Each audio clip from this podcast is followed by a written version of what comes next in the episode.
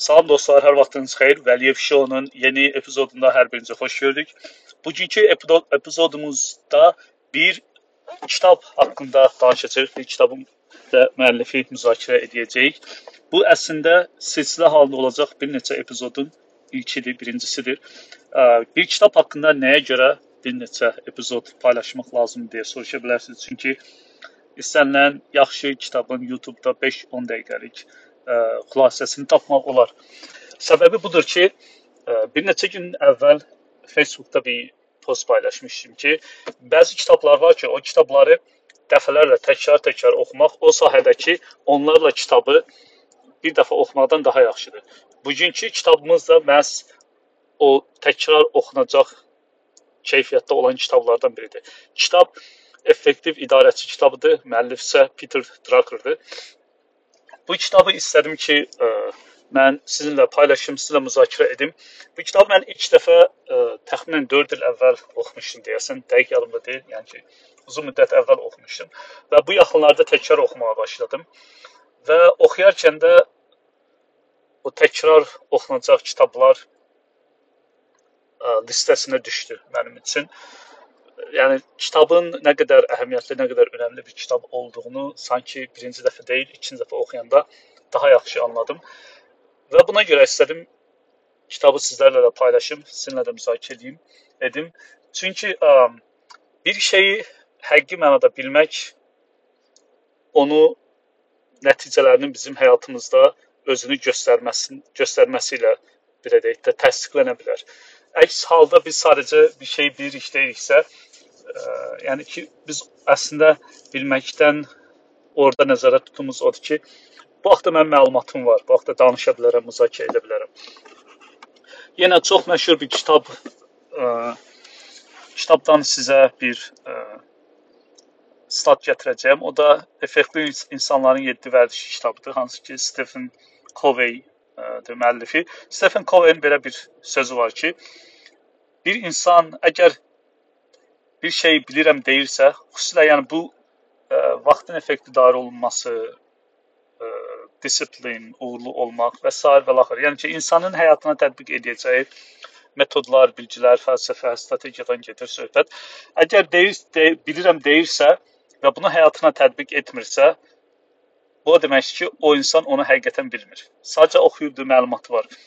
Darren, Darren Hardy'nin isə belə bir sözü var ki, əgər bir haqqında danışdığınız, bildiyinizi iddia etdiyiniz metodu həqiqətən bildiyib, bilib bilməyinizi öyrənmək istəyirsinizsə, görmək istəyirsinizsə, o zaman həyatınıza baxın. O metodun həyatınızda ortaya çıxardığı və yaxud da ki, o, o metodu o metoda görə, o metodu istifadə edib həyatınızda ortaya çıxardığınız hansı nəticələr var? Bu nəticələri baxıb təyin edib ondan sonra deyə bilərsiniz ki, mən bunu bilirəm. Əgər bir sübut eləyə biləcəyiniz, nümunə göstərə biləcəyiniz bir nəticə və ya da nəticələr yoxdursa, demək ki, o dediyiniz, o bildiyiniz, bildiyinizi iddia etdiyiniz şeyi bilmirsiniz. Bu qəbul etməsi doğrudan da çətin və acı bir həqiqətdir. Ona görə ki, biz çox kitablar oxuyuruq xüsusilə də bu özünə inkişaf, biznes, psixologiya, sahibkarlıq mövzusunda kitab oxuyan insanlar və müzakirə düşsə, hansısa bir mövzuda danışmağımız bizdən istənilsə, biz onu çox rahatla danışa bilərik, çox rahatlıqla müzakirə edə bilərik. Çünki oxumuşuq, dinləmişik və məlumatımız var. Amma onun nəticəsini həyatımızda göstərməyə gəldikdə isə mən özümdən misal göstərim. Normal belə deyək də bilməyin, bilmənin tərif etdiyi ə, tərzdə bildiyim çox şey var, amma təəssüf ki, onları tam ideal səviyyədə həyatıma tətbiq edə bilmirəm. Ha bunun bir səbəbi də var. Bir başqa səbəb də budur ki, bəzən ə, kiminsə həyatında çox əla nəticə verən hər hansısa bir metod, yanaşma, strategiya bizim həyatımızda nəticə verməyə bilər və bu da çox normaldır. Ə, və bu halda insan özünü tənqid etməkdənsə əgər e, onu ayırd edə bilməlidir və ayırd etdikdən sonra bir insanın baş, başqa bir insan həyatında işinə yarayan şey, şey bizim həyatımıza da bizim işimizə yarayacaq deyə bir şey yoxdur və bu halda ə, e, bizim işimizə onu özümüzə uyğunlaşdırmalıyıq. Yəni özümüzü məğlub, zəif, uğursuz, bacarıqsız, istedadsız görməkdənsə o, o cür özümüzü ə, özümüzə qəbul elətdirməkdənsə o metodu, o yanaşmanı, o alətlə isə onun həyat, onu bizim həyatımıza uyğunlaşdırmağa çalışmalıyıq. Yəni nəticədə hər insanın ə, həyatı, ətrafı, ətraf mühiti, keçmiş təcrübəsi, biliyi, bacarığı işlədiyi sahə, yəni digərlərindən çox fərqlidir. Ona görə tamamilə individual, tamamilə fərdi bir ə, prosesdir və biz bunu da buna görə də bunu özümüzə uyğunlaşdıra bilməliyik. İndi kitab haqqında müzakirəyə keçək. Yəni kitabdan əslində paylaşmaq istədiyim bir neçə şeylər var. Onlardan biri ə, Peter Drucker'ın rəhbərlər üçün Hə bu arada bir də kitab rəhbərlər üçün yazılmasına baxmayaraq əslində hər kəs üçün faydalı bir kitabdır. Hər kəsin istifadə edəcəyi ə, bilgilər, alətlər, metodlar var. Yaşından, vəzifəsindən asılı olmayaraq. Məsəl üçün mütləq şərt deyil ki, o kitabda yazılanlardan istifadə etmək üçün biz hansısa bir rəhbər vəzifədə işləyək və ya hansısa bir şirkətdə işləyək və yaxud da ki, öz biznesimiz olsun. Yəni tələbələr də bundan istifadə edə bilər. Dediyim kimi, yaşından, vəzifəsindən ə, fərqli olmayaraq hər kəsin istifadə edəcəyi metodlar var. Mənim ən çox bəyəndiyim və ilk paylaşmaq istədiyim metod da budur ki, Peter Drucker deyir ki, biz ilk öncə başlamalıyıq ki, təy başlamalıyıq təyin etməyə ki, bizim vaxtımız hara gedir? Yəni vaxtımızı alan məşğuliyyətlər, işlər nələrdir? Və bu işlər, bu məşğuliyyətlər həqiqətən də vaxt sərf etməyimizə dəyərmi? İlk addım bunu təyin etməkdir.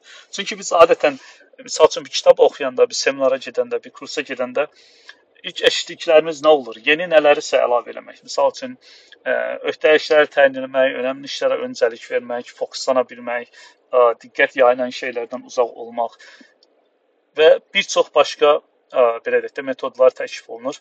Hansı ki, hər biri də effektivdir, hər biri də işlədə bilən üçün işə yarayır.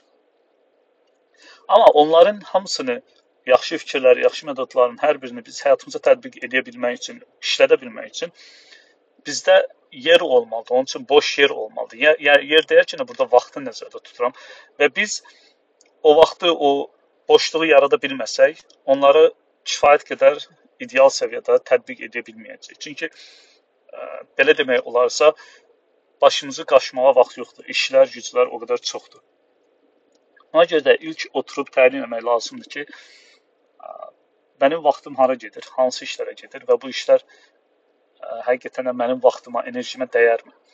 Bunları təyin etdikdən sonra növbəti addım isə bunlardan hansıları bir artıq etməyə ehtiyac yoxdur. Yəni hansıları həyatımızdan çıxarsaq, hansıları etməyi dayandırsaq, bizə heç bir zərəri olmayacaq, bizi heç bir şəkildə geri salmayacaq.